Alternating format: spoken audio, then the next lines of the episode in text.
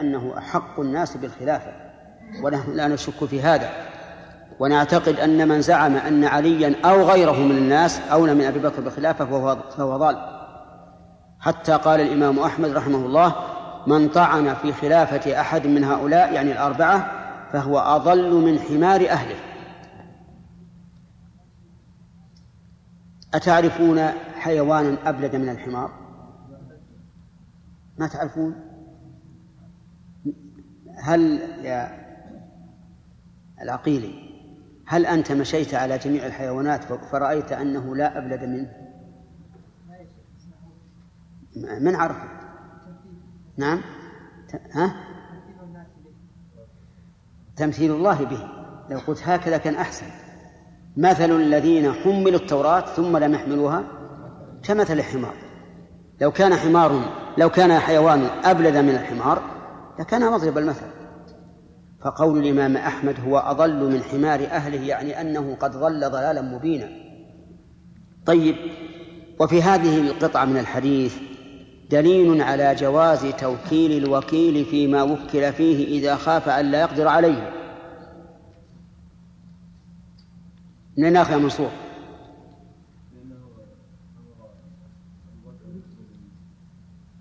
الرسول أمر أبو بكر. ما في دليل هذا. هل تدري ماذا قلنا؟ ماذا قلنا؟ كمل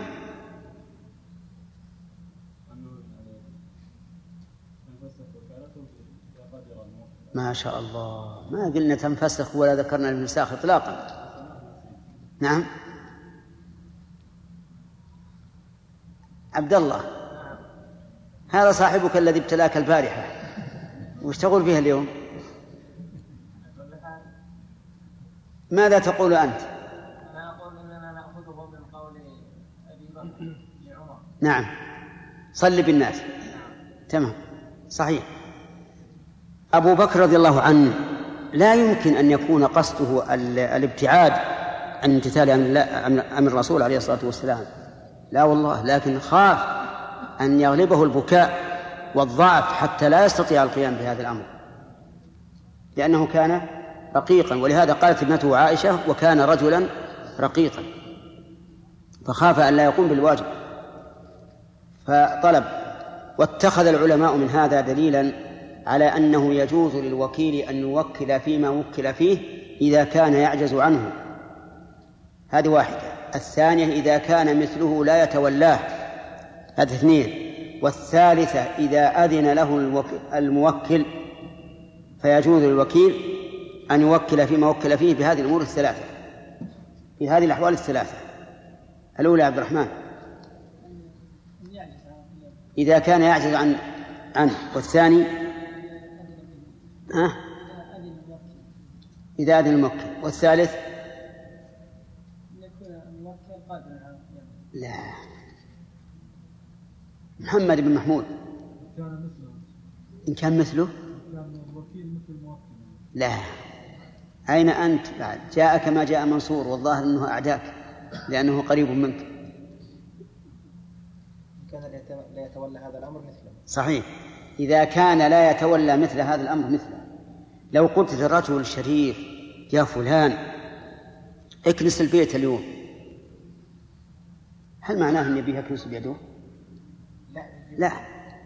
ضروري أنه يوكل من يكنسه طيب. ثم إنه فقال أبو بكر وكان يا عمر صلي بالناس فقال عمر أنت أحق بذلك. سبحان الله. أحق بذلك؟ لماذا؟ لوجهين. الوجه الأول أن أبا بكر أفضل والوجه الثاني أن أبا بكر هو الذي أمر النبي صلى الله عليه وسلم أن يصلي بالناس. فكان بهذا أحق وهو كذلك. يقول أنت أحق بذلك.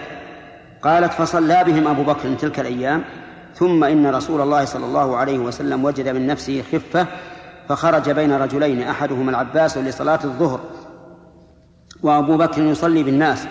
فلما رآه أبو بكر ذهب ليتأخر فأومى إليه النبي صلى الله عليه وسلم أن لا يتأخر. وقال لهما أجلسان إلى أجلسان إلى جنبه وامتثل أبو بكر. وهنا نحتاج إلى الجمع بين هذه القصة وبين قصة رجوع النبي صلى الله عليه وسلم من الصلح بين بني عمرو بن عوف وكان أبو بكر يصلي بالناس. فلما أكثر الناس من التصفيق التفت أبو بكر. فإذا فإذا برسول الله صلى الله عليه وعلى آله وسلم فجاء ليتأخر ولكن الرسول عليه الصلاة والسلام أبى. دفعه ليبقى في مكانه فتأخر ولم يثبت في مكانه حتى تقدم الرسول عليه الصلاة والسلام فأتم بهم الصلاة.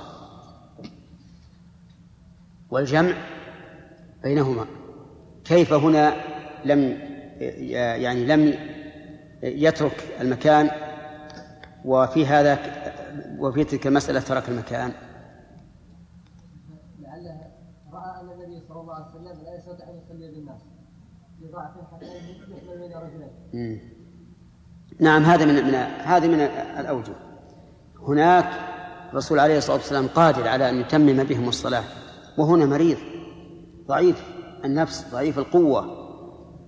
فرأى أبو بكر أن يثبت مكانه. وأن لا يلحق النبي صلى الله عليه وسلم ألما إلى ألمه مع أن فعله الأول ليس قصده العصيان ولكن قصده إيش؟ الإكرام نعم طيب وفي هذا وفي هذه القطعة أيضا دليل على جواز التأخر عن صلاة الجماعة لتمريض المريض من أين يؤخذ؟ آدم. منين تأخذ؟ لتأخر العباس وعلي في تمريض النبي صلى الله عليه وسلم. طيب. يقول وقال لهما أجلسان إلى جنبه فأجلساه إلى جنبه. أي الجنبين؟ الأيسر. الجنب الأيسر. ليكون أبو بكر على يمينه. طيب.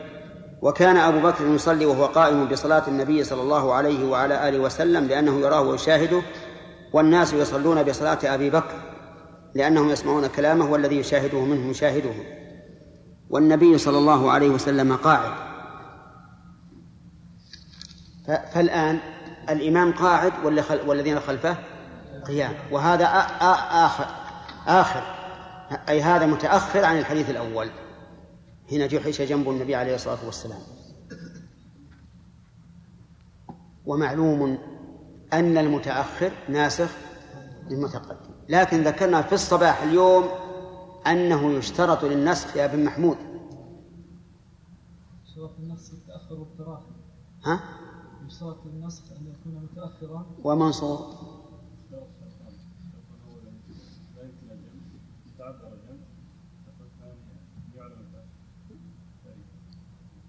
أيهما المفقود من الشرطين سليم؟ أي الم... أي الشرطين مفقود في هذا الحديث؟ أو دور غيره صحيح. المفقود عدم إمكان الجمع. فالذين قالوا إنه ناسخ قالوا لأنه متأخر. الآن صحيح شرط التأخر موجود. لكن هل لا يمكن الجمع؟ قالوا لا يمكن. الجمع. الرسول قاعد وهم قيام. أما الإمام أحمد فقال يمكن الجمع. لأنه رضي الله عنه عميق الفهم.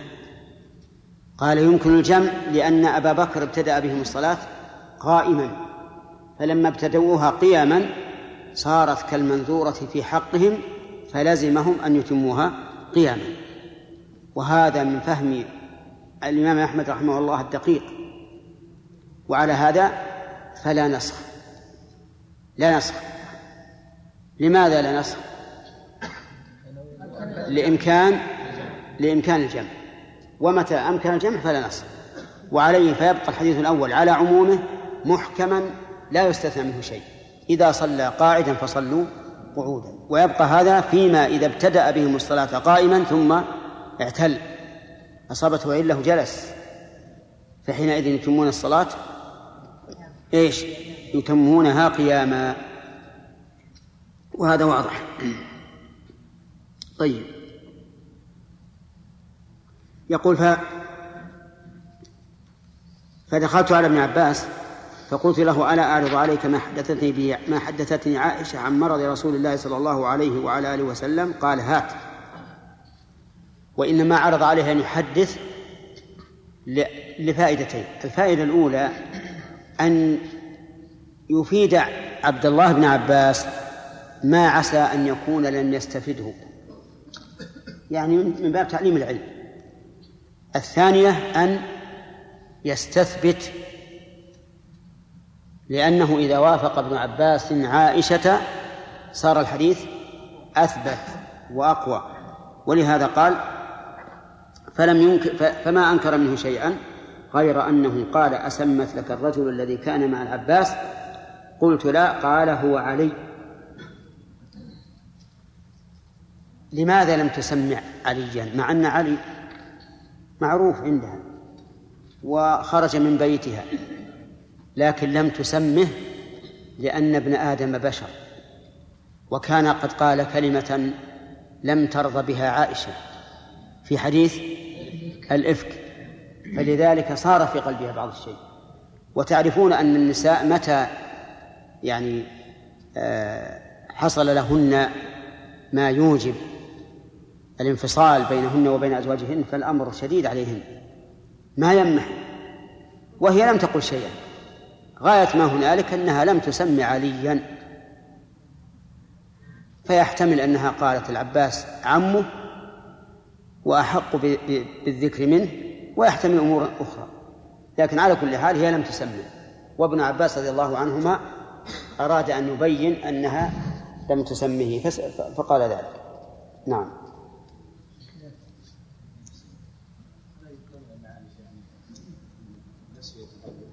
إيش المحتمل؟ نعم. الطاهر قولنا ممرض المريض عن الجماعة. نعم. ما يقال أنه جواز تخلفه؟ بل إذا لم يأمرهما يعني بحمله لجلسا عنده. كيف؟ لو لم يأمرهما بحمله إلى إلى المسجد لجلسا عنده حتى انتهى الصلاة. عند من؟ عند النبي صلى الله عليه وسلم. هي هذا يفيد سقوط الجماعة أما أن يمرض المريض. سقوط. إيه. سليم. مثل الإنسان يفعل السنة بالجلوس قصد السنة من سنة من سنة الرسول صلى الله عليه وسلم هو ما في العادة وش يكون حكمه؟ وهو خلف إمام يصلي قاعدا هو الإمام نفس الإمام لكن لا يفعل السن وين السن؟ هو الرسول سن لما أن يصلي الإنسان جالس وهو قادر ها؟ ها؟ أقول مضت يعني حصل سبق أن حصل هذا الشيء إيه والناس جلسوا معه ما شاء الله إخوانه جلسوا معه لصليبهم. بعضهم قام قل له يعيد الصلاة. ويعيد الإخوان اللي جلسوا معه يعيدون الصلاة. كلهم يعيدون الصلاة. عرفت؟ ومن ذمة ومن ذمتي إلى ذمتك. ها؟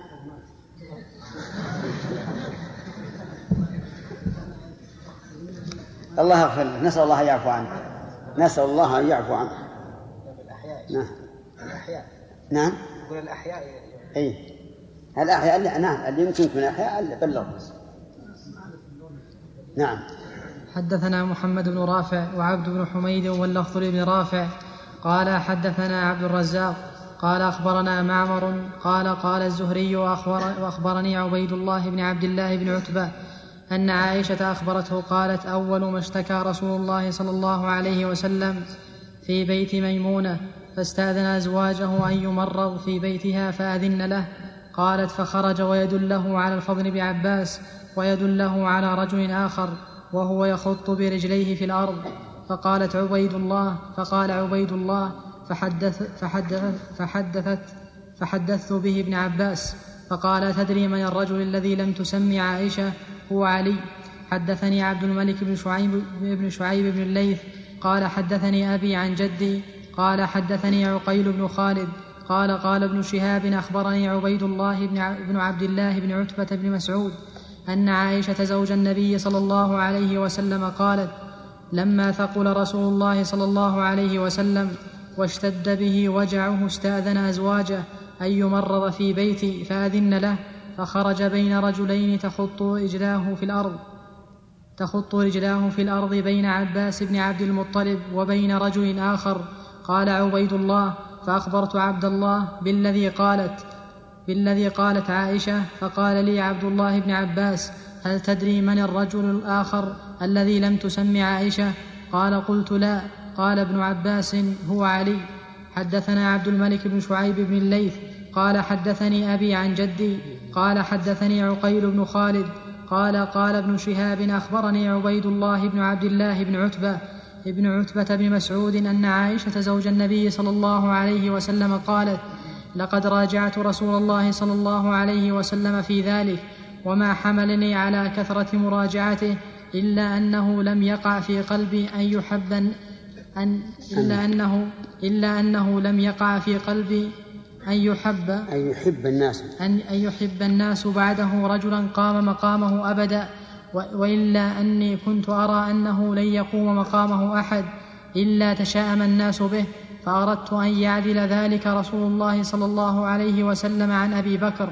حدثنا محمد بن رافع وعبد بن حميد واللفظ لابن رافع قال عبد أخبرنا وقال ابن رافع حدثنا عبد الرزاق قال أخبرنا معمر قال الزهري وأخبرني حمزة بن عبد الله حمزة بن عبد الله بن عمر عن عائشة قالت لما دخل رسول الله صلى الله عليه وسلم بيتي قال مروا أبا بكر فليصلي بالناس قالت فقلت يا رسول الله إن أبا بكر رجل رقيق إن أبا بكر رجل رقيق إذا قرأ القرآن لا يملك دمعه فلو أمرت غير أبي بكر قالت والله ما بي إلا كراهية أن يتشاءم الناس إلا أن يتشاءم الناس بأول من يقوم في مقام رسول الله صلى الله عليه وسلم. قالت فراجعته مرتين أو ثلاثا فقال ليصلي بالناس أبو بكر فإن كنا فإن كنا صواحب يوسف. حدثنا أبو بكر بن أبي شيبة قال حدثنا أبو معاوية صواحب يوسف يعني في الكيد. لأن الظاهر أن النبي صلى الله عليه وعلى آله وسلم فهم مقصود عائشة وأنها تريد أن لا يكون أبوها هو أول من يصلي بعد النبي صلى الله عليه وعلى آله وسلم فيتشاءم الناس منه. لأن جرت العادة أن الناس إذا صلوا خلف إمام وتعلقت قلوبهم به ثم جاء آخر أن منزلة الآخر عندهم تكون أنزل بكثير. مما لو لم يأتي هذه عادة جبلة طبع الناس عليها. فهي رضي الله عنها أرادت أن تحمي أباها من ذلك ورسول الله صلى الله عليه وسلم فهم هذا وقال إن كنا صواحب يوسف يعني في الكيد والمكر. والمرأة كيدها عظيم لكن كيدها يزول إذا اعتصم الإنسان بالله عز وجل. وكان قويا به فإن الله تعالى يهيئ له الأسباب التي تحميه من كيد النساء. نعم. حدثنا أبو بكر بن أبي شيبة قال حدثنا أبو معاوية ووكيع حاء وحدثنا يحيى بن يحيى واللفظ له قال أخبرنا أبو معاوية عن الأعمش عن إبراهيم عن الأسود عن عائشة قالت لما ثقل رسول الله صلى الله عليه وسلم جاء بلال يؤذنه بالصلاة فقال مروا أبا بكر فليصلي بالناس. قالت فقلت يا رسول الله إن أبا بكر رجل اسيف وإنه متى يقم مقامك لا يسمع الناس؟ فلو أمرت عمر فقال مروا أبا بكر فليصلي بالناس. قالت فقلت لحفصة قولي له إن أبا بكر رجل اسيف وإنه متى يقم مقامك لا يسمع الناس؟ فلو أمرت عمر فقالت له فقال رسول الله صلى الله عليه وسلم إن كن لأنتن صواحب يوسف يوسف مروا أبا بكر فليصلي بالناس. قالت فأمروا أبا بكر يصلي بالناس. قالت فلما دخل في الصلاة وجد رسول الله صلى الله عليه وسلم من نفسه خفة فقام يهادى بين رجلين ورجلاه تخطان في الأرض. قالت فلما دخل المسجد سمع أبو بكر حسه حس, حس. سمع أبو بكر حسه ذهب يتأخر فاومى إليه رسول الله صلى الله عليه وسلم قم مكانك. فجاء رسول الله صلى الله عليه وسلم حتى جلس عن يسار أبي بكر. قالت فكان رسول الله صلى الله عليه وسلم يصلي بالناس جالسا وأبو بكر قائما يقتدي أبو بكر بصلاة النبي صلى الله عليه وسلم ويقتدي الناس بصلاة أبي بكر. حدثنا من جاب بن الحارث التميمي قال أخبرنا ابن مسهر حاء وحدثنا إسحاق بن إبراهيم قال أخبرنا عيسى بن يونس كلاهما عن الأعمش بهذا الإسناد نحوه وفي حديثهما لما مرض رسول الله صلى الله عليه وسلم مرضه الذي توفي فيه وفي حديث ابن مسهر فأوتي برسول الله صلى الله عليه وسلم. إذا آثر غيره فهل الأفضل للمؤثر أن يقول يا فلان لا تؤثر أحدا في مكانك الفاضل أو أن يقبل آه، تحوله عنه وإيثاره. هذه ينظر للمصلحة. بن قال اخبرنا ابن مسلم. وحدثنا اسحاق إبراهيم قال عيسى بن يونس كلاهما عن الاعمش بهذا الإسناد نحوه وفي حديثهما لما مرض رسول الله صلى الله عليه وسلم مرضه الذي توفي فيه وفي حديث ابن مسلم فوفي برسول الله صلى الله عليه وسلم حتى أوفس إلى جنبه. وكان النبي صلى الله عليه وسلم صلى الله وسلم عليه. وابو بكر يسمعه التكبير. وفي حديث عيسى فجلس رسول الله صلى الله عليه وسلم يصلي. وأبو بكر إلى جنبه. وأبو بكر يسمع الناس. حدثنا أبو بكر بن أبي شيبة وأبو كريب. قال حدثنا ابن نمير عن هشام. بسم الله الرحمن الرحيم. في قوله وأبو بكر يسمع الناس دليل على استعمال المبلغ إذا دعت الحاجة إليه لأن أبا بكر كان يبلغ الناس تكبير النبي صلى الله عليه وعلى آله وسلم وربما يؤخذ من هذا أيضا استعمال مكبر الصوت إذا دعت الحاجة إليه لأنه كالمبلغ بل هو أحسن من المبلغ. إذ أن مكبر الصوت ينقل الصوت في حينه والمبلغ إنما يكون بعد تمام المبلغ عنه. نعم.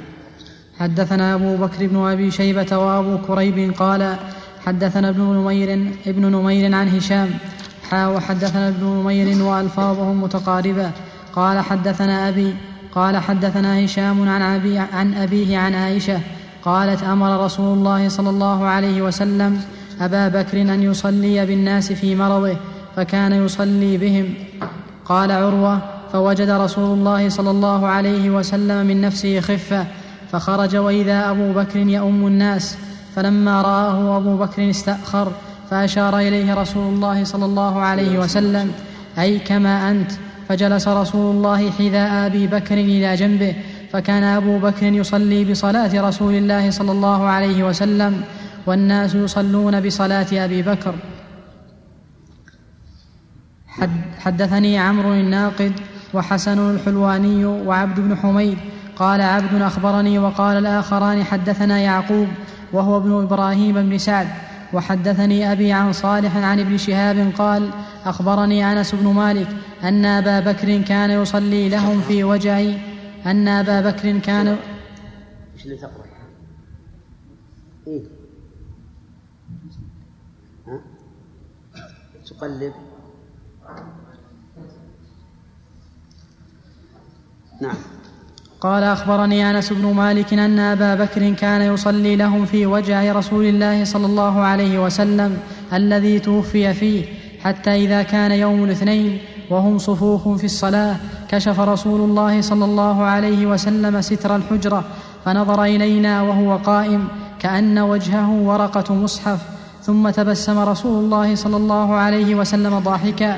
قال فبهتنا ونحن في الصلاة من فرح برسول الله صلى الله عليه وسلم. ونكص أبو بكر عن بخروج رسول الله صلى الله عليه وسلم. ونكص أبو بكر على عقب على عقبه ليصل الصف وظن وظن أن رسول الله صلى الله عليه وسلم خارج للصلاة فأشار إليهم رسول الله صلى الله عليه وسلم بيده أن أتموا صلاتكم.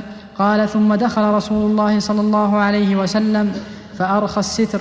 قال فتوفي رسول الله صلى الله عليه وسلم من يومه ذلك.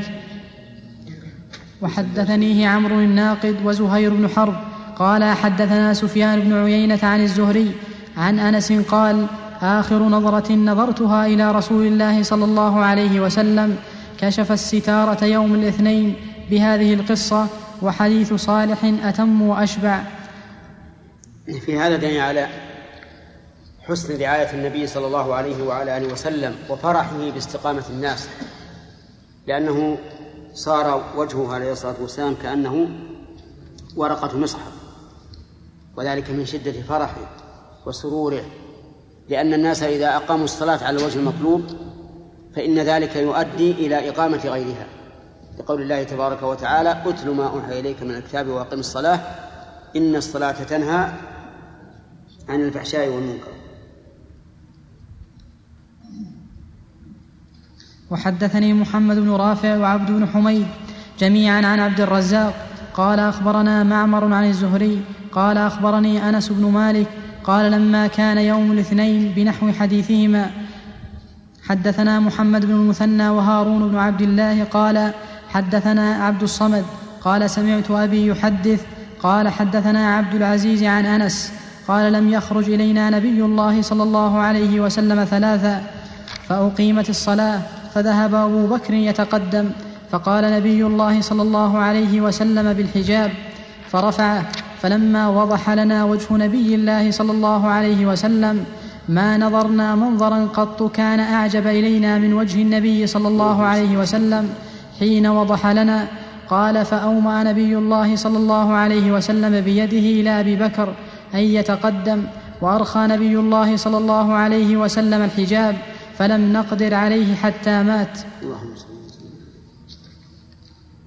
حدثنا أبو بكر بن أبي شيبة قال حدثنا حسين بن علي عن زائده عن عبد الملك بن عمير عن أبي بردة عن أبي موسى قال مرض رسول الله صلى الله عليه وسلم فاشتد مرضه فقال مروا أبا بكر فليصلي بالناس فقالت عائشة يا رسول الله إن أبا بكر رجل رقيق متى يقم مقامك لا يستطيع لا يستطيع أن يصلي بالناس لا يستطيع لا يستطيع أن يصلي بالناس. فقال مري أبا بكر فليصلي بالناس. فإن كن صواحب لا يستطيع. وهي عندي؟ كذلك وهي عندي كذلك إيه أنت رفعتها. نعم. فقالت لكن عائشة ترى لا بأس به. نعم. قال ابن مالك وبعد ماض أتم رفعك الجزاء حسن ورفعه بعد مضارع وهن. لكن آه، يعني الأفصح الجزم. قال الله تعالى وإن تدعو مثقلة إلى حملها إيش؟ لا يحمل منه شيء ولو كان ذا قربى. نعم. فقالت عائشة يا رسول الله إن أبا بكر رجل رقيق متى يقم مقامك لا يستطيع أن يصلي بالناس؟ فقال مري أبا بكر فليصلي بالناس. فإن كن, فإن كن صواحب يوسف.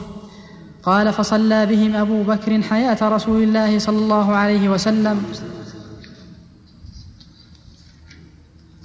باب تقديم الجماعة من يصلي بهم إذا تأخر الإمام. هذا كله سبق الكلام عليه والسؤال. نقول قلنا إذا كانت الأحاديث مجرد سياق ألفاظ فالأسئلة الأولى تكفي. أي نعم. نعم؟ أي طيب. باب تقديم الجماعة من يصلي من يصلي بهم إذا تأخر الإمام ولم ولم يخافوا مفسدة بالتقديم.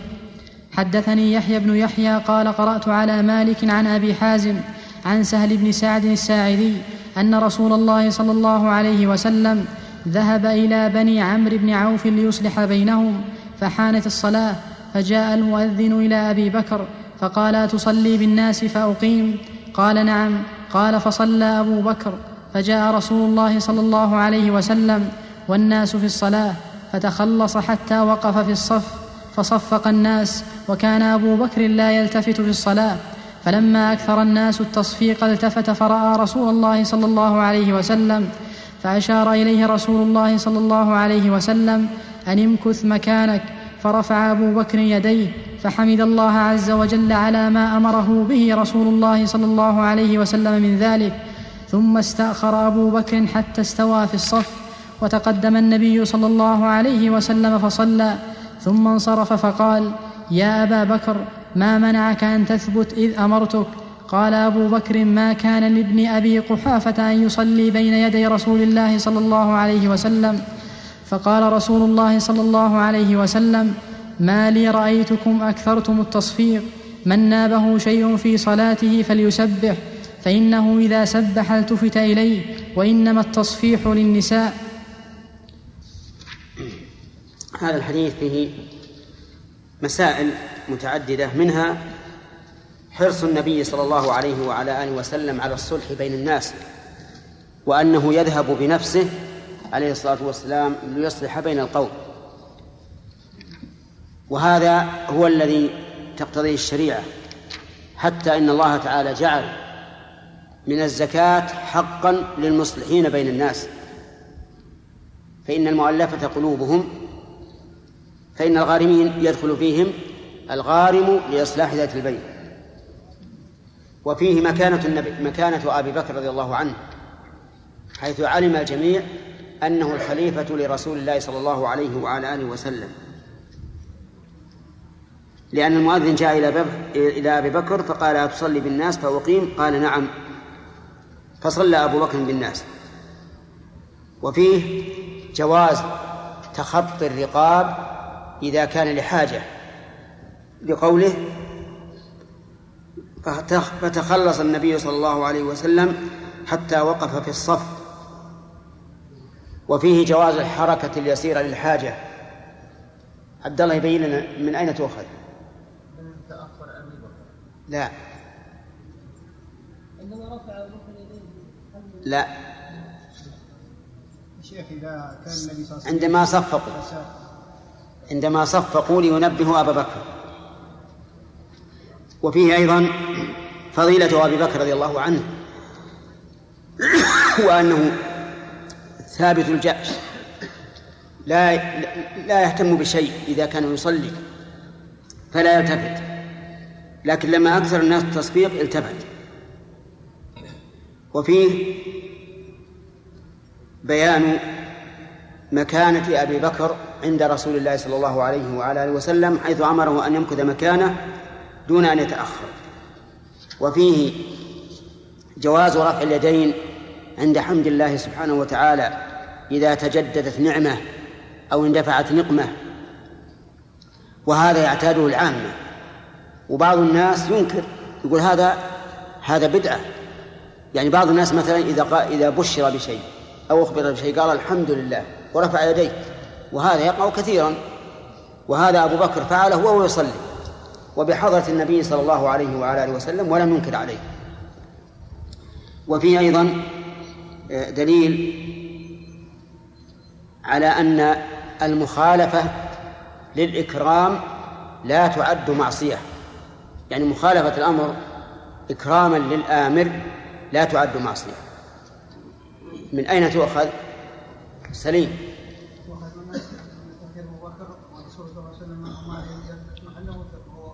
إيه.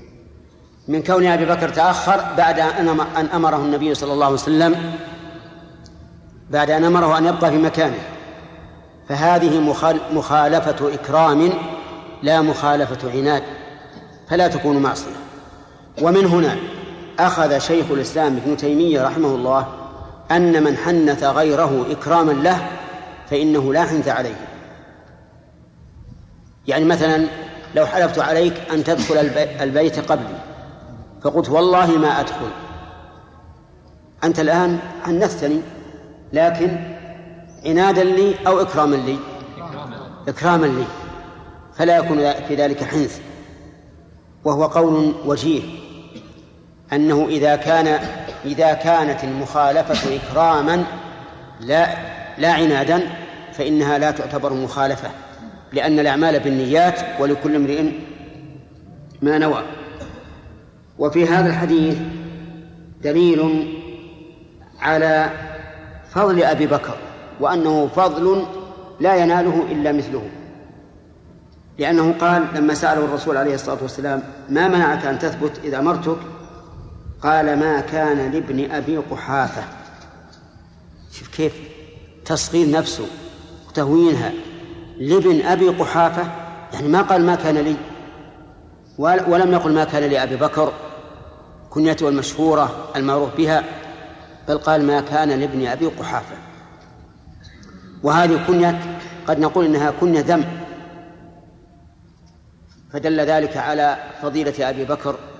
بتصغير شأنه واحتقار نفسه أمام رسول الله صلى الله عليه وعلى آله وسلم.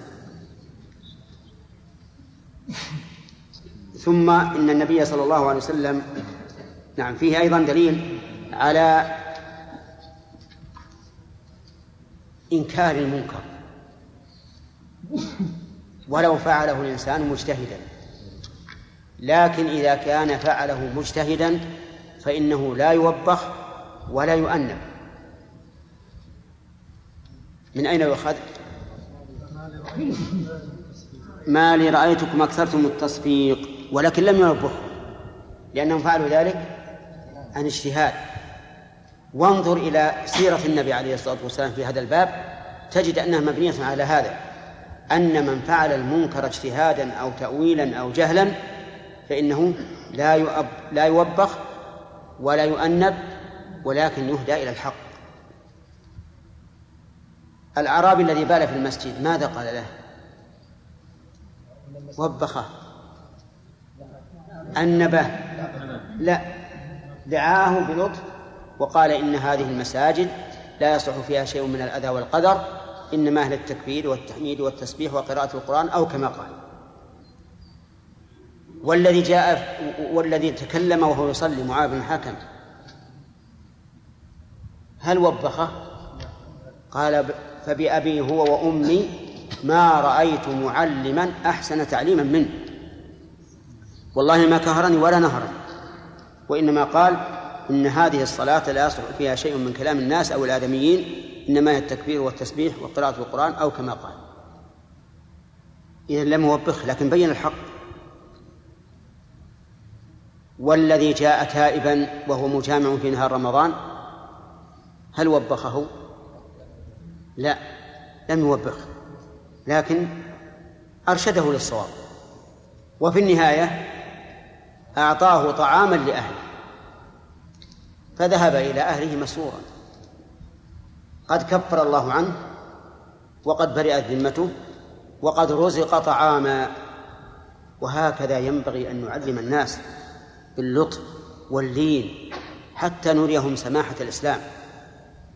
إن بعض الناس يستعمل العنف في الدعوة إلى الله وفي إنكار المنكر وفي إقامة المعروف وما أشبه ذلك وهذا غلط. غلط لا سيما في وقت كثرت فيه الصوارف. في وقتنا هذا كثرت الصوارف عن الخير وكثرت دواعي الشر.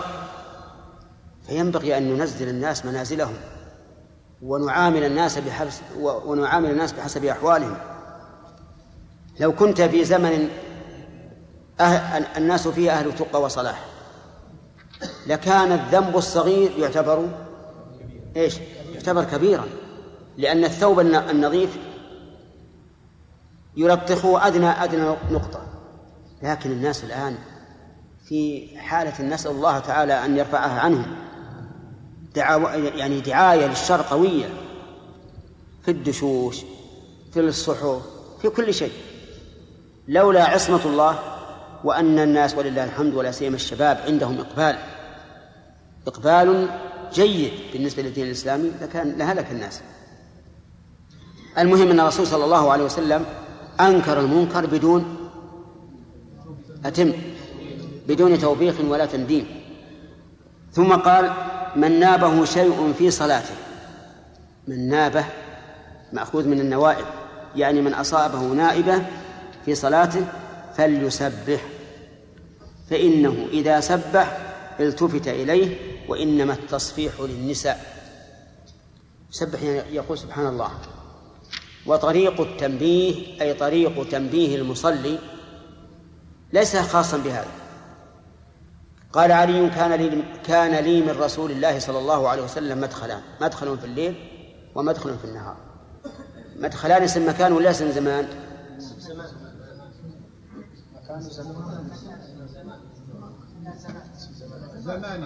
زمان ما في إشكال.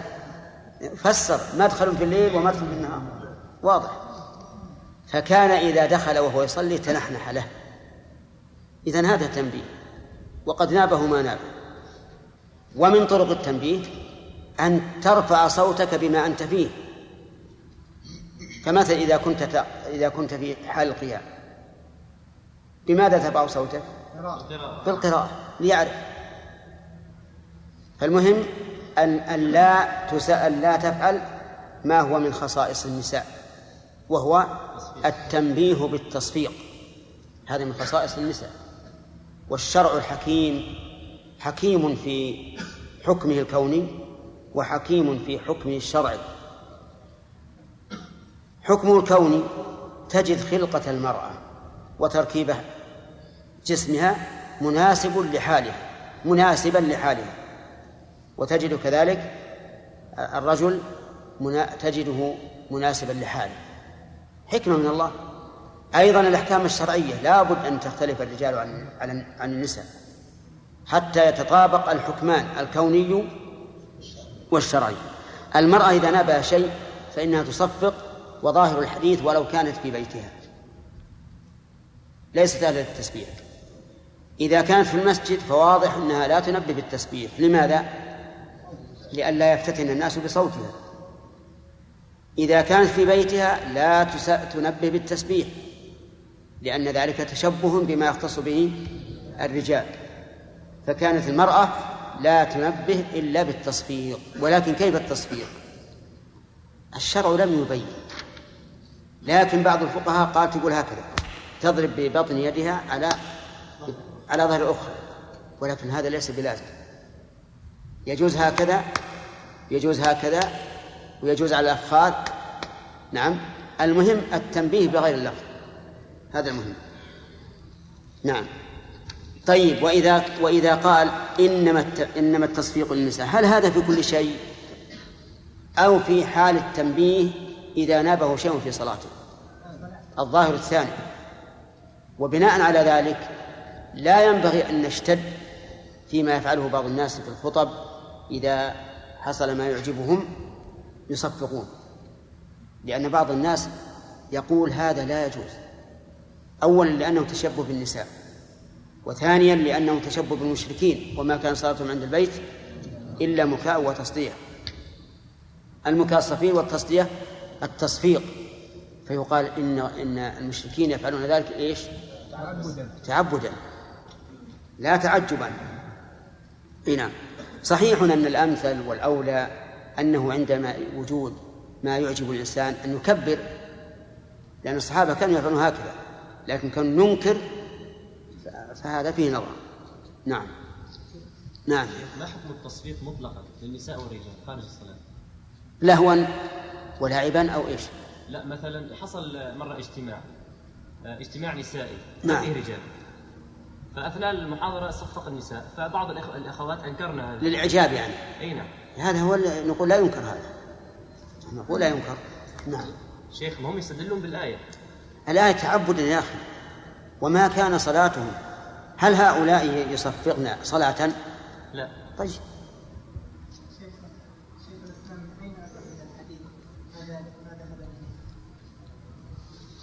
لأن أصل الحنث مبني على المعصية. أصل الحنث في اليمين مبني على المعصية. لأنك إذا حلفت بالله فالواجب أن تتم اليمين تعظيما لله. فإذا لم تتم صار فيه نوع من من المعصية. لولا أن الله رحمنا بأنه يجوز أن نحنث في الأمور الخيرية لكان صعبا. فهمت؟ نعم. قوله صلى الله عليه وسلم إنما تصحيح النساء. نعم. إنما نعم. هل خرج مخرج الذم أم مخرج التعليم؟ تعليم. هذا مخرج التعليم؟ ثلاثة. ثلاثة. لا، ثلاثة يا جماعة. نعم. حدثنا قتيبة بن سعيد قال حدثنا عبد العزيز يعني ابن أبي حازم وقال قتيبة حدثنا يعقوب وهو ابن عبد الرحمن القاري كلاهما عن أبي حازم عن سهل بن سعد بمثل حديث مالك وفي حديثهما فرفع أبو بكر يد يديه فحمد الله ورجع القهقرى وراءه حتى قام في الصف. حدثنا محمد بن عبد الله بن بزيع قال أخبرنا عبد الأعلى قال حدثنا عبيد الله عن أبي حازم عن سهل بن سعد الساعدي قال ذهب نبي الله صلى الله عليه وسلم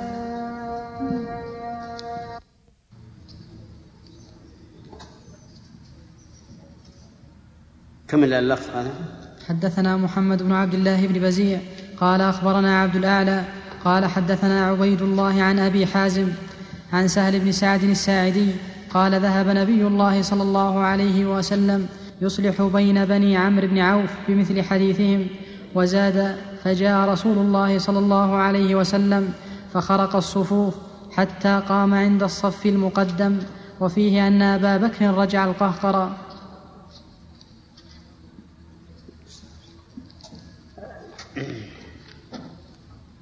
الحديث اللي بعد ما يتعلق به ها؟ لا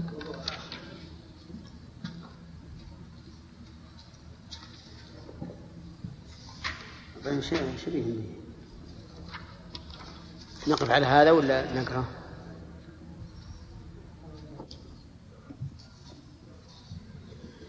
اللهم صل على محمد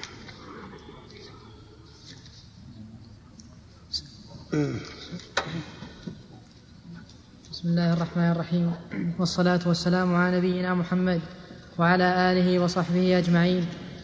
قال الإمام مسلم رحمه الله تعالى في صحيحه في كتاب الصلاة حدثني محمد بن رافع وحسن بن علي الحلواني جميعا عن عبد الرزاق. قال ابن رافع حدثنا عبد الرزاق. قال أخبرنا ابن جريج قال حدثني ابن شهاب عن حديث عباد بن زياد. أن عروة بن المغيرة ابن شعبة أخبره أن المغيرة بن شعبة أخبره. لكن الحين تسمعون؟ هذه المشكلة لا هو أصل هذول بعد دخل ها؟ كذا مسموع لا كذا مسموع ها؟ كذا حيكون مسموع لا حيكون مسموع هذا كان عادي. لا لا ما له دخل ظاهر ها؟ خير يا شيخ أخبره أن المغيرة بن شعبة زين. أخبره أن المغيرة بن شعبة أخبره أنه غزا مع رسول الله صلى الله عليه وسلم تبوك. قال المغيرة فتبرز رسول الله صلى الله عليه وسلم قبل الغائط فحملت معه إداوة قبل صلاة الفجر. فلما رجع رسول الله صلى الله عليه وسلم إلي أخذت أهريق على يديه من الإداوة وغسل يديه ثلاث مرات ثم غسل وجهه ثم ذهب يخرج جبته عن ذراعيه فضاق كما جبته فأدخل يديه في الجبة حتى أخرج ذراعيه من أسفل الجبة وغسل ذراعيه إلى المرفقين ثم توضأ على خفيه ثم أقبل. قال المغيرة فأقبلت معه حتى نجد الناس قد قدموا عبد الرحمن بن عوف فصلى لهم فأدرك رسول الله صلى الله عليه وسلم إحدى الركعتين فصلى مع الناس الركعة الآخرة. فلما سلم عبد الرحمن بن عوف قام رسول الله صلى الله عليه وسلم يتم صلاته فأفزع ذلك المسلمين فأكثروا التسبيح. فلما قضى النبي صلى الله عليه وسلم صلاته أقبل عليهم ثم قال أحسنتم أو قال قد أصبتم يغبطهم أن صلوا الصلاة لوقتها. اللهم صل وسلم. بسم الله الرحمن الرحيم. هذا حديث أيضا فيه دليل على مسائل. المسألة الأولى جواز استخدام الحر لأن النبي صلى الله عليه وعلى وسلم استخدم استخدم المغيرة بن شعبة. وفيه أيضا أن الإمام إذا تأخر عن وقت العادة فلهم أن يصلوا بشرط أن يكون مما يعلم رضاه بذلك. فإن كان لا يرضى فإنهم لا يصلون إلا إذا خافوا فوت الوقت. ولكن لمن له شغل أن يصلي وحده وينصرف إلى شغله اقتداء أو استدلالا بقصة الرجل الذي تخلف عن معاذ بن جبل حين أطال الصلاة وصلى وحده وانصرف. ولكن ينبغي للإمام أن يحسن الرعاية وأن يجعل وقتا محددا.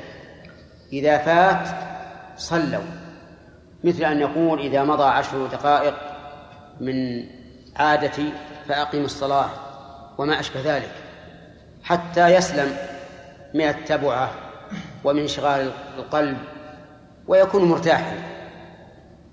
وفي هذا دليل على أنه لا يمسح على الذراعين بالساتر في عليهما. أي لا يمسح على الساتر على الذراعين. لأن النبي صلى الله عليه وعلى آله وسلم لما تعذر عليه إخراج يديه من كمي الجبة أخرجهما من الجبة. وتعرفون كيف قال؟ يعني قال هكذا طلع يده من من تحت فغسلها فدل ذلك على أنه لا يمسح على شيء ساتر سوى شيئين اثنين هما الجبيرة والخف. والعمامة لكن العمامة في الواقع مسح على ممسوح لأن أصل الرأس ممسوح. وفيه دليل على أن أنه لا يشرع أن يصلي القاضيان ما بقي من صلاتهما. نعم. أنه لا يشرع للمسبوقين أن يقضيا صلاتهما جماعة. لأن ظاهر السياق الذي معنا أن النبي صلى الله عليه وسلم قضى الصلاة وحده. وكان معه من؟ المغيرة بن شعبة. ولم يصليا جماعة. وهذه المسألة اختلف فيها الفقهاء رحمهم الله. يعني إذا اتفق اثنان مسبوقان على أن يصلي أحدهما إماما بالثاني في قضاء ما فاتهما فهل ذلك صحيح أو غير صحيح؟ في هذا قولان للعلماء. وهما وجهان في مذهب الإمام أحمد بن حنبل. فمنهم من قال لا يصح لأن ذلك لم يكن معروفا في عهد الصحابة رضي الله عنهم ومنهم من قال إنه صحيح. وعلى هذا فالأولى إيش؟ أنه لا يفعل. الأولى أن لا يفعل, لا يفعل يعني أن لا أن لا يقضي المسبوقان ما فاتهما جماعة وفي الحديث أيضا من الفوائد حسن خلق الرسول عليه الصلاة والسلام. سبحان الله جاء والناس قد صلوا. وهو إمامهم الذي هو إمامهم عليه الصلاة والسلام. فماذا قال؟ قال أحسنتم أو قال أصبتم. هذه لو تفعلها مع, مع إنسان في وقتنا هذا نعم كان إذا جاء احمرت عيناه واقشعر شعره وانتفخت أوداجه وقال بطلت صلاتكم أعيدوا الصلاة. نعم هذا وقع. نعم. وهذا الرسول عليه الصلاة والسلام يقول أصبتم أو أحسنتم. أن صلوا الصلاة لوقتها يعني مبكرين. وهكذا ينبغي للإنسان إذا خصوصا إذا فات الشيء. إذا فات الشيء لا تحاول أن تستدرك أن تستدركه بالتوبيخ. قل قدر الله وما شاء فعل. قبل أن يكون الشيء ممكن. التوجيه الصحيح السليم. لكن بعد الوقوع يقول العوام كلمة لها روح. إذا كان عشاك ماكول فإيش؟ فرحب. يعني إذا جاء قوم وأكلوا العشاء. بدأ طفيلية. فقل أهلا ومرحبا بالضيوف الكرام. هذا متى؟ بعد أن يأكلوه.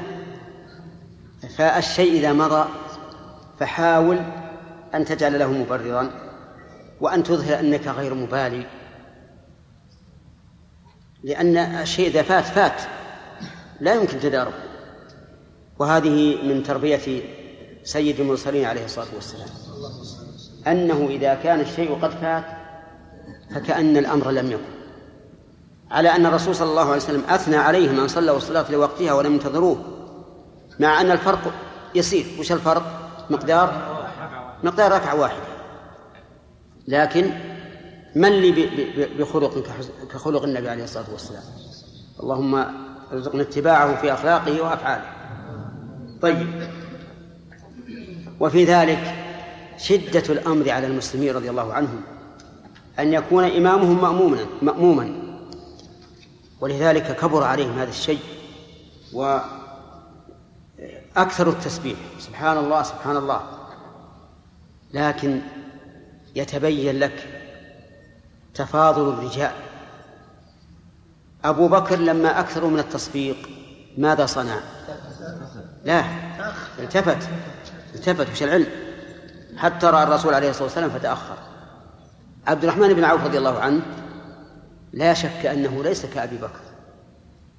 هذا الحديث أو هذا السياق يدل على أنه لم يلتفت مع كثرة تسبيحه وأنه لم يعني لم يبالي بذلك. اللهم إلا إذا كان التسبيح تسبيح الصحابة حين سلم عبد الرحمن وق- وقام النبي صلى الله عليه وسلم يقضي فحينئذ لا فائدة من الالتفات. والحديث محتمل. نعم. والظاهر أنه لما قال قام يتم صلاته فأفزع ذلك المسلمين فأكثر التسبيح. إن نظرنا إلى قوله فلما قام يقضي صلاته قلنا إن هذا كان بعد تسليم. لكن إن نظرنا إلى قوله أكثر من التسبيح منع من أن يكون ذلك بعد التسليم لأنه إذا كان بعد التسليم فلا حاجة للتسبيح. يقولون بألسنتهم القول المعتاد. نعم. نشوف نشوف. نعم. حدثنا محمد بن حدثنا محمد بن رافع والحلواني قال حدثنا عبد الرزاق عن ابن جريج قال حدثني ابن شهاب عن إسماعيل بن عن إسماعيل بن محمد بن سعد عن حمزة بن المغيرة نحو حديث عباد قال المغيرة فأردت تأخير عبد الرحمن فقال النبي صلى الله عليه وسلم دعه. هذا يدل على أن الأمر كان كان في الصلاة قبل التسليم نعم. باب كمال. شيخ هل فيه فضيلة عظيمة لعبد الرحمن بن عوف أن صلى بالنبي صلى الله عليه وسلم؟ أنا يعني يحتاج إلى تتبع الحديث وألفاظه لأنه يحتمل أن الرسول قال لهم ذلك. لأنه من من الأمر البعيد أن يصلي عبد الرحمن بن عوف. وفيه من هو أكبر منه من الصحابة. كان فيه أبو بكر وفيه هو الظاهر غزوة تبوك معروفة وهذا كان في غزوة تبوك. وأبو بكر وعمر شهدوا المشاهد كلها نعم شرف. إذا كان الأمر الذي فات مما يعني يخاف أن يتكرر. نعم. فيه مفسدة. ولا بد من الت... يعني من- يعني التأكيد على الأمر. بالتوبيخ وما أشبه ذلك لا يتكرر. يا شرف يا شرف. أنا قلت لا ينهى عنه. لا. أي نعم. أنا أقول انهى عنه قل لا, لا تعمروا لهذا. وبين لهم الحق. محمود. لماذا لم يتقدم النبي صلى الله عليه وسلم ليؤم بالناس عندما حضر؟ كيف؟ لماذا لم يتقدم النبي صلى الله عليه وسلم ليؤم بالناس عندما حضر في صلاة عبد الرحمن بن عوف؟ مع أنه تقدم على أبي بكر الصديق لما حضر في تلك الصلاة. نعم. وأم بالناس. نعم. يا ابن محمود قضايا الأفعال لا لا تطلب لها تعليلا لأن القضايا العينية قد يكون فيها ملابسات معينة يمكن أن الرسول صلى الله عليه وسلم رعاها ولهذا لما أراد المغيرة تأخير عبد الرحمن قال له دعه فقضايا الأعيان لا ترد على عموم الأقوال لأنه قد يكون هناك ملابسات أشياء يعرفها الناس في وقتها. توجب أن يتغير الحكم. ولهذا ربما يمر بك كثيرا في كتب أهل العلم يقول هذه قضية قضية عين. هنا وهذه يجعلها على بالك. الأقوال صحيح. إذا إذا كان ظاهر التعارض لازم من من محاولة ال- الجمع. نعم. باب تسبيح الرجل وتصفيق المرأة إذا نابهما شيء في الصلاة. حدثنا أبو بكر بن أبي شيبة وعمرو الناقد وزهير بن حرب قالوا حدثنا سفيان بن عيينة عن الزهري عن أبي سلمة عن أبي هريرة عن النبي صلى الله عليه وسلم حاء وحدثنا هارون بن معروف وحرملة بن يحيى قال أخبرنا ابن وهب قال أخبرني يونس عن ابن شهاب قال أخبرني سعيد بن المسيب وأبو سلمة بن عبد, بن عبد الرحمن أنهما سمعا أبا هريرة يقول قال رسول الله صلى الله عليه وسلم التسبيح للرجال والتصفيق للنساء. زاد حرملة في روايته قال ابن شهاب وقد رأيت رجالا من أهل العلم يسبحون ويشيرون. وحدثنا يعني يسبحون حيث يقتضى الأمر التسبيح ويشيرون حيث يقتضى الأمر الإشارة. هذا هو الظاهر. فتحمل الجملتان على التوزيع. أي يسبحون أحيانا ويشيرون أحيانا. وقد وقد مر بكم أن النبي صلى الله عليه وعلى آله وسلم أشار للذين صلوا وراءه قياما أن أن اجلسوا ولم يسبح. وأنه قال إذا نابكم شيء في الصلاة فليسبح الرجال. فالظاهر إذن أن الجملتين على إيش؟ على التوزيع. يعني يسبحون أحيانا ويشيرون أحيانا. نعم. وحدثنا قتيبة بن سعيد قال حدثنا الفضيل يعني ابن عياض حاء وحدثنا أبو قريب قال حدثنا أبو معاوية حاء وحدثنا إسحاق بن إبراهيم قال أخبرنا عيسى بن يونس كلهم عن الأعمش عن أبي صالح عن أبي هريرة عن النبي صلى الله عليه وسلم بمثله. حدثنا محمد بن رافع قال حدثنا عبد الرزاق قال أخبرنا معمر عن همام عن أبي هريرة عن النبي صلى الله عليه وسلم بمثله وزاد في الصلاة. يعني قال التسبيح للرجال والتصفيق للنساء في الصلاة. واضبطها أنت اضبط حطه بالجيب. مو مو بالجيب. ما عندك جيب؟ إي علج. ف... فهذا قيده بالصلاة. التسبيح للرجال والتصبيح للنساء في الصلاة. يعني إذا نابكم شيء في الصلاة. نعم. ما فيها إلا ثلاث أسئلة في كل هذا الحديث كله سياقات مختلفة. نعم. باب الأمر بتحسين الصلاة وإتمامها والخشوع فيها. حدثنا أبو كريب محمد بن العلاء الهمداني قال حدثنا أبو أسامة عن الوليد يعني ابن كثير قال حدثني سعيد بن أبي, ابن أبي سعيد المقبوري عن أبيه المقبوري عن أبيه عن أبي هريرة قال صلى بنا رسول الله صلى الله عليه وسلم يوما ما, ما عندي بنا. صلى رسول الله. عندي بنا. عندنا بنا. طيب. نعم. قال صلى بنا رسول الله صلى الله عليه وسلم يوما ثم انصرف. فقال يا فلان ألا تحسن, ألا تحسن صلاتك؟ ألا ينظر, الم ألا, ألا ينظر المصلي إذا صلى كيف يصلي؟ فإنما يصلي لنفسه إني والله لأبصر من ورائي كما أبصر من إني والله لأبصر من ورائي كما أبصر من بين يدي. حدثنا قتيبة بن سعيد. هذا من خصائص النبي عليه الصلاة والسلام أنه في الصلاة يرى الناس من خلفه كما يراهم أمامه. والحكمة من ذلك من أجل أن من أجل أن يتسنى للرسول صلى الله عليه وسلم كيف يطبق الصحابة ما أمرهم به. وهذا والله أعلم وجه الخصوصية. وليس صلى الله عليه وسلم ينظر من وراءه كما ينظر من أمامه في كل حال. بدليل أنه لما انخنس أبو هريرة منه قال له أين كنت؟ ولم يعلم. ولو كان يرى من وراءه دائما كما يرى من أمامه ما خفي عليه الأمر. لكن هذا في الصلاة من أجل أن يتسنى لرسول الله صلى الله عليه وسلم كيف يؤدي الناس الصلاة على الوجه المأمور به أم لا وفيه إنما يصلي لنفسه إشارة إلى أنه ينبغي للعاقل أن يحسن عمله لأنه يعمل لمن؟ لنفسه لا لغيره من عمل صالحا فلنفسه ومن أساء فعليها. فهل نحن نخلص في أعمالنا وننصح أم لا؟ الجواب في أعمال الدنيا نعم. إذا توسخ بزبوز الماء أين الخادم ينظفه لكن القلوب تصدأ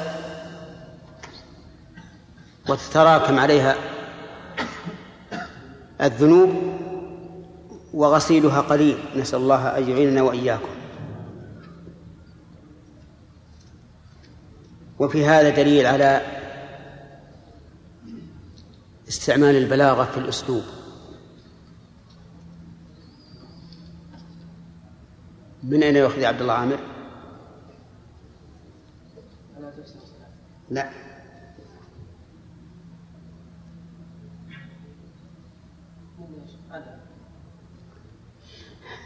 تأخذ الحديث كلمة كلمة لا نقول لين تقع. لا. لا؟ لا. خ... تقاسمتموه ولم تفلحوا طيب. وال... إني والله لأبصر من ورائي أكدها بكم؟ بثلاث مؤكدات. لأن الأمر يستغرب أن يرى من وراءه كما يرى من أمامه. فأكدها النبي عليه الصلاة والسلام بإن والقسم والله أي نعم.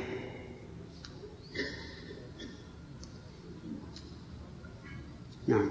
حدثنا قتيبة بن سعيد عن مالك بن أنس عن أبي الزناد.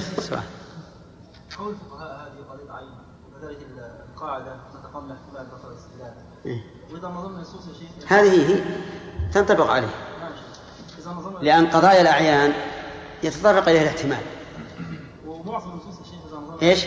معظم النصوص أو غالبها إذا نظرنا عليها يتطرق إليها الاحتمال فما هو الاحتمال المعتبر؟ لأنك لم تدرك أكثرها لو أدركت أكثرها لوجدت أن أكثرها ليس قضاء الأعيان ما هو الاحتمال المعتبر؟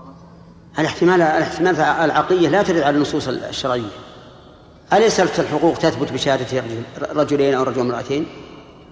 ولا لا؟ ألا يجوز ألا يحتمل أن أنهما أخطأ جهلا أو نسيانا؟ الاحتمالات العقلية لا تجعلها في هذه. لو أردنا أن ندخل الاحتمالات العقلية في أدلة النصوص ما بقي عندنا دليل يتم. لكن الشيء القريب لا بأس.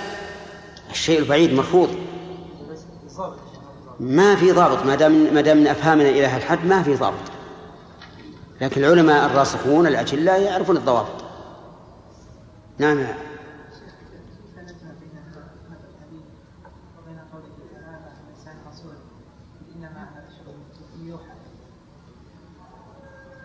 لا إله إلا الله سلام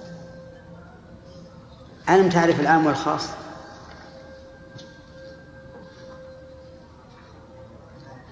لا اعرف العام والخاص قبل إنما أنا بشر مثلكم يعني له حكم البشرية إذا وردت مسألة من المسائل تخالف الحكم البشري هل يضر العامة شيئا؟ يقول هذا خاص يعني كونه يرى من من وراءه كما يرى من أمامه في الصلاة خاصة نعم هذه مستثنى من عموم البشرية عرفت؟ أين؟ نعم. سلامة الأولى إيش؟ من دخل وجد مسبوقا يتم صلاته فهل الأولى يدخل معه يصلي جماعة معه ويصلي لوحده؟ ماذا قلت أنا؟ قلنا إذا كان اثنين يتمون صلاة جميع كانوا في الصلاة وهذا مثله أيضا إذا عرفت أن هذا المسبوق يتم ما أدخل معه ثلاثة ثلاثة؟ طيب حدثنا قتيبة بن سعيد عن مالك بن أنس عن أبي الزناد عن الأعرج عن أبي هريرة أن رسول الله صلى الله عليه وسلم قال هل ترون قبلتي ها هنا؟ فوالله ما يخفى علي ركوعكم ولا سجودكم. إني لأراكم وراء ظهري. قال من بعد ظهري إذا ركعتم وسجدتم. حدثني أبو غسان المسمعي قال حدثنا معاذ يعني ابن هشام قال حدثني أبي حا وحدثنا محمد بن مثنى قال حدثنا ابن أبي عدي عن سعيد كلاهما عن قتادة عن أنس أن نبي الله صلى الله عليه وسلم. قال أتموا الركوع والسجود فوالله إني لأراكم من بعد ظهري إذا ما ركعتم وإذا ما سجدتم وفي حديث سعيد إذا ركعتم وإذا سجدتم. وهو بمعنى الأول إلا أن الأول أكد بما إذا ما ركعتم. وما هنا زائدة. وقد قيل يا طالبا خذ فائدة ما بعد إذا زائدة. ولها أمثلة. قال الله تعالى حتى إذا ما جاءوها شهد عليهم. أي؟ وقال تعالى حتى إذا ما وإذا ما غضبوا. أي؟ إذا غضبوا. ولها أمثلة كثيرة. ولما معان كثيرة. ذكرت في هذا البيت الذي يشيرنا إياه عبد الله عامر لا لا لا معاني ما. لا فيها بيت. أو بيتين. نعم. البيت الأول يا شيخ طيب. محامل ما عشرا إذا رمت عدها فحافظ على بيت سليم من الشعر. ما ما تذكر ولا ما أتيت ولا بواحد. ذكرني شيخ طيب. ستفهم شرط الوصل. فاعجب لنكرها بكف ونفي زيد تعظيم مصدر كم هذه؟ عشرة. أتلوها مرة ثانية. وثالثة ثم أطلبها منكم. ستفهم شرط الوصل. فأعجب لنكرها بكف ونفي زيد تعظيم مصدر. ستفهم شرط الوصل فأعجب لنكرها بكف ونفي زيد تعظيم مصدر. أشدناه يا ابن داود. أنشد. حافظ على بيت سليم سليم من الشعر الوصل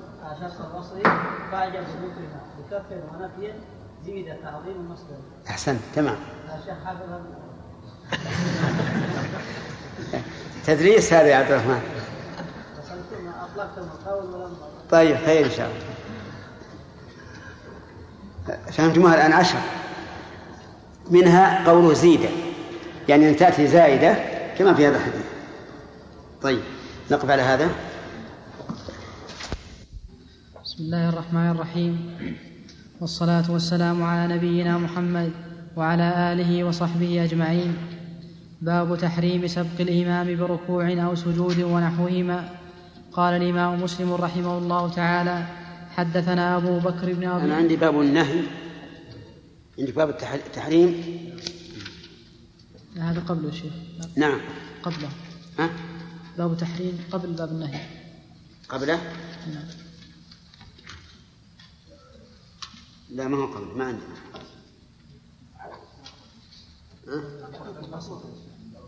اختلاف نسخ. تفضل. حدثنا أبو بكر بن أبي شيبة وعلي بن حجر واللفظ لأبي, لأبي بكر. قال ابن حجر أخبرنا وقال أبو بكر حدثنا علي بن مسهر عن المختار بن فلفل عن أنس قال صلى بنا رسول الله صلى الله عليه وسلم ذات يوم فلما قضى الصلاة أقبل علينا بوجهه فقال أيها الناس إني إمامكم فلا تسبقوني بالركوع ولا بالسجود ولا بالقيام ولا بالانصراف فإني أراكم أمامي ومن خلفي. ثم قال والذي نفس محمد والذي نفس محمد بيده. لو رأيتم ما رأيت لضحكتم قليلا ولبكيتم كثيرا. قالوا وما رأيت يا رسول الله؟ قال رأيت الجنة والنار. اللهم صل وسلم هذا الحديث فيه فوائد. أولا مشروعية إقبال الإمام على المصلين بوجهه كما هي عادة النبي صلى الله عليه وعلى آله وسلم. وهل ينفتل عن يمينه وعن يساره؟ الكل سنة. عن اليمين وعن اليسار. ومن فوائده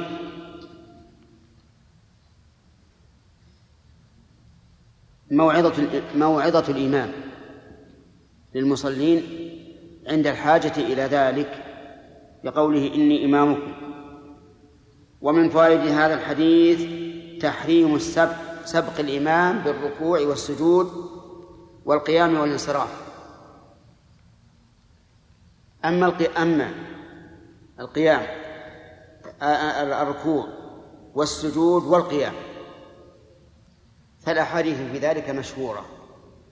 وأما الانصراف فإنه قد يقال إنه ليس على ليس النهي عنه على وجه التحريم وذلك لأن لأن الصلاة قد انقضت. ولكن هذا من باب الأدب أن لا ينصرف المأمومون حتى ينصرف الإمام لأنه ربما يتفطن الإمام لأمر يحتاج فيه إلى إكمال الصلاة. والأئمة في هذا طرفان ووسط. من الأئمة من رأيته إذا قال السلام عليكم ورحمة الله السلام عليكم ورحمة الله على طول من ومن الأئمة من يبقى حتى يسبح. وكلا طرفي الأمر قاصر. وكان النبي صلى الله عليه وسلم يبقى متجها إلى القبلة بقدر ما يستغفر ثلاثا ويقول اللهم أنت السلام ومنك السلام تباركت يا ذا الجلال والإكرام ثم ينصرف. وفيه أيضا من فوائده أن أن النبي صلى الله عليه وسلم أعطاه الله هذه الآية أنه ينظر من وراءه ومن أمامه في حال الصلاة. ومن فوائده تعظيم شأن الجنة والنار. لأنه قال لو لو رأيتم ما رأيت لضحكتم قليلا ولبكيتم كثيرا. ومن فوائده أن الجنة والنار موجودتان الآن وهما مخلوقتان ولا شك وما من موجود سوى الله إلا, إلا وهو مخلوق. وهما باقيتان أبد الآبدين. لا تفنيان. لا تفنيان أبدا. وفي تسلسل وفي تسلسل بقائهما دليل على تسلسل وجود المخلوقات. أنه ما من شيء موجود إلا وقبله شيء. وهذا أمر معلوم بالعقل ومعلوم بالسمع. أما السمع فقد قال الله تعالى فعال لما يريد ولم يقيد. فهو فعال لما يريد. أزلا كما أنه فعال لما يريد أبدا. وأما العقل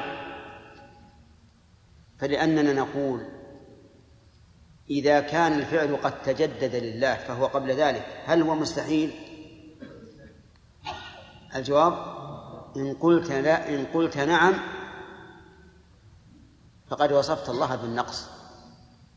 وأنه مر عليه ما ما لا يمكنه أن يفعل أن يفعل فيه. وإن قلت بلى إن قلت نعم يعني أنه لا, لا لم ي... وإن قلت إنه لم يمر عليه زمن يكون الفعل فيه مستحيلا في حقه فهذا هو جواز إيش؟ التسلسل. ثم نقول هذا الزمن الذي نحن فيه ليس له نهاية. لا. لا أبدا ولا أمدا. ليس له نهاية. لا في الأزل ولا في الأبد. ولهذا نعجب لقوم قالوا إنه لا يمكن أن تتسلسل الحوادث فإن أرادوا أنه لا يمكن أن يوجد أن يكون شيء موجود وهو أزلي. إلا إلا الرب عز وجل فهذا صحيح. وإن أرادوا أن الله تعالى مر عليه وقت لا يتمكن من الفعل فهذا غير صحيح. والجنة والنار لا تفنيان ابدا. لقول الله تبارك وتعالى في الجنة في آيات كثيرة خالدين فيها أبدا. ولقوله تعالى في النار في ثلاث آيات خالدين فيها أبدا. في سورة النساء وفي سورة الأحزاب وفي سورة الجن. ثلاث آيات قد صرح الله فيها بتأبيد خلود أهل النار. نعم.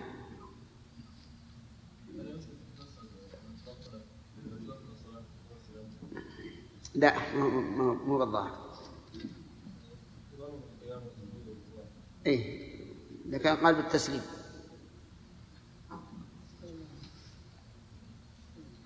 حدثنا ها؟ في سؤال؟ كيف الجمع بين قوله عليه الصلاة والسلام يعني أنه ينظر من خلفه وكذلك آه، أن الصحابة يقولون بعض الادعيه فيقول صلى الله عليه وسلم عن الحديث وقال خير رسول إيه؟ ما تقول في هذا الإشكال؟ السؤال يقول كيف يرى النبي صلى الله عليه وسلم من خلفه في الصلاة؟ وهو أحيانا يقول بعض بعض الأدعية يقول بعض الصحابة الدعاء فيقول من قال كذا. أو مثل حديث أبي بكرة أيكم الذي فعل كذا؟ شرافي. لا تعارض لأن هذا إيه، لكن حديث أبي بكرة عندما قدم اي نعم. عندما عجل وركع قبل أن يصل الصف. هذا يرى من خلفه ليس على الدوام نعم. لأن بعض الاحيان يوفقه الله عز وجل اي نعم. نقول هذا جاء في أثناء ركوع النبي صلى الله عليه وسلم. إيه. والنبي وهو راكع لا يرى من خلفه. إيه. طيب. يرى الصفوف الاولى فقط الصف الأول الذي نعم ها؟ يعني أنه سأل من فعل كذا يعني يصلي عليه ما بعده يقول أوقع في يعني لا يلزم من رؤية جميعا رؤية واحد بعينه الله سلام احتمالات كثيرة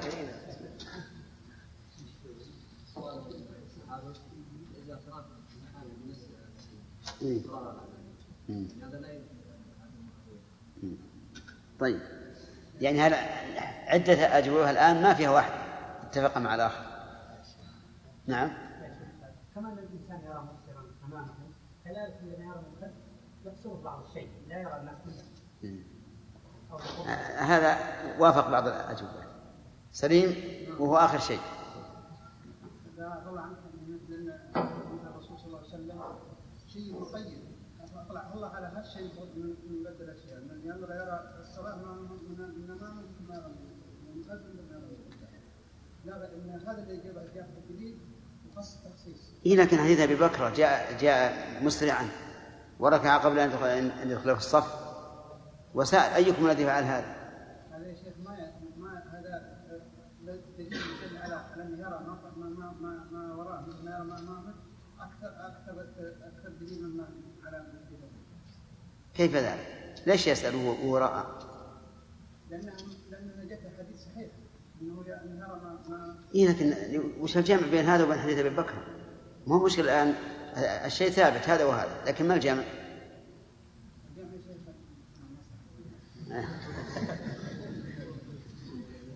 طيب والله اللي يظهر لي أنا أن أن يقال إنه إنه يرى من وراءه والراكع أين وراءه؟ نحو السماء. نحو السماء. فلا يرى. أو يقال إن إن الله سبحانه وتعالى صرف عنه رؤية المأمومين. أو يقال إن الرسول عليه الصلاة والسلام أراد أن يستثبت من الرجل بعينه. على كل هذا احتمالات لكن أقربها للمعقول. أن يقال يراهم إذا كان قائما. لأنه قال من خلفه وإذا كان راكعا فالذي خلفه. نحو السماء ما في أحد. والله أعلم. أخذنا ثلاثة. يلا؟ اللي الافضل نعم. هذا هذا الحديث يدل على تغليب جانب الخوف على جانب الرجاء. لأنه سبق عدة جمل فيها النهي. لا تفعلوا لا تفعلوا لا تفعلوا. نعم. حدثنا قتيبة بن سعيد قال حدثنا جرير حا وحدثنا ابن نمير وإسحاق بن إبراهيم عن ابن فضيل جميعا عن المختار عن أنس عن النبي صلى الله عليه وسلم بهذا الحديث وليس في حديث جرير ولا بالانصراف. حدثنا خلف بن هشام وأبو الربيع الزهراني وقتيبة بن سعيد كلهم عن حماد قال خلف حدثنا حماد بن زيد عن محمد بن زياد قال حدثنا أبو هريرة قال قال محمد صلى الله عليه وسلم أما يخشى الذي يرفع رأسه قبل الإمام أن يحول الله رأسه رأس حمار. هذا أيضا يدل على تحريم سبق الإمام لأن النبي صلى الله عليه وعلى وعلى آله وسلم حذر من هذه العقوبة. ولكن ما معنى أن يحول الله رأسه رأس الحمار قيل المعنى أن الله تعالى يجعله رأس حمار. يجعله رأس حمار. فيكون رأس حمار على بشر. وقيل المعنى أن الله تعالى يجعله بليدا. وخص الرأس لأنه هو محل التفكير والتصور. والحمار من أبلد الحيوانات إن لم يكن أبلدها. ولهذا قال الله تعالى مثل الذين حملوا التوراة ثم لم يحملوها كمثل الحمار يحمل أسفارا نعم هذا السند يا شيخ هل يكون العلو ولا نسبي؟ إيش؟ هذا السند الحديث هذا أيها؟ السند الحديث هذا حدثنا خالد بن هشام نعم ألا يكون مثال للعلو النسبي؟ ما وجهه؟ انهم كلهم رووا عن حماد. بن زيد طيب قال خلف حدثنا حماد وقال ابن زيد عن محمد بن زياد. قال حدثنا أبو هريرة. وين العلو؟ والذي بعده وأي؟ حدثنا عن ناقد؟ نعم. ما وصلنا. نعم لو كان الإمام حركته بطيئة ويخاف أن يسقط بعض المأمومين نعم إذا كان الإمام بطيء الحركة فإنه لا بأس أن يجعل التكبير ينتهي بحيث ينتهي هو من الحركة. نعم. تفضل. حدثنا عمرو الناقد وزهير بن حرب قال حدثنا إسماعيل بن إبراهيم عن يونس عن محمد بن زياد عن أبي هريرة قال قال رسول الله صلى الله عليه وسلم ما يأمن الذي يرفع رأسه في صلاته قبل الإمام أن يحول الله صورته في صورة حمار. حدثنا عبد الرحمن بن سلام الجمحي وعبد الرحمن بن الربيع بن مسلم وعبد الرحمن بن الربيع بن مسلم جميعا عن الربيع بن مسلم. وحدثنا عبيد الله بن معاذ قال حدثنا أبي قال حدثنا شعبة حا وحدثنا أبو بكر بن أبي شيبة قال حدثنا وكيع عن حماد بن سلمة كلهم عن محمد بن زياد عن أبي هريرة عن النبي صلى الله عليه وسلم بهذا غير أن في حديث الربيع بن مسلم أن يجعل الله وجهه وجه حمار. وليعلم أن المأموم بالنسبة للإمام له أربع حالات. الحالة الأولى السبق والثانية التخلف والثالثة الموافقة والرابع المتابعة. كم هذه؟ أربع حالات. أما السبق فحرام. واختلف العلماء هل تبطل الصلاة بمجرده أو لا بد أن يكون بركن أو ركنين.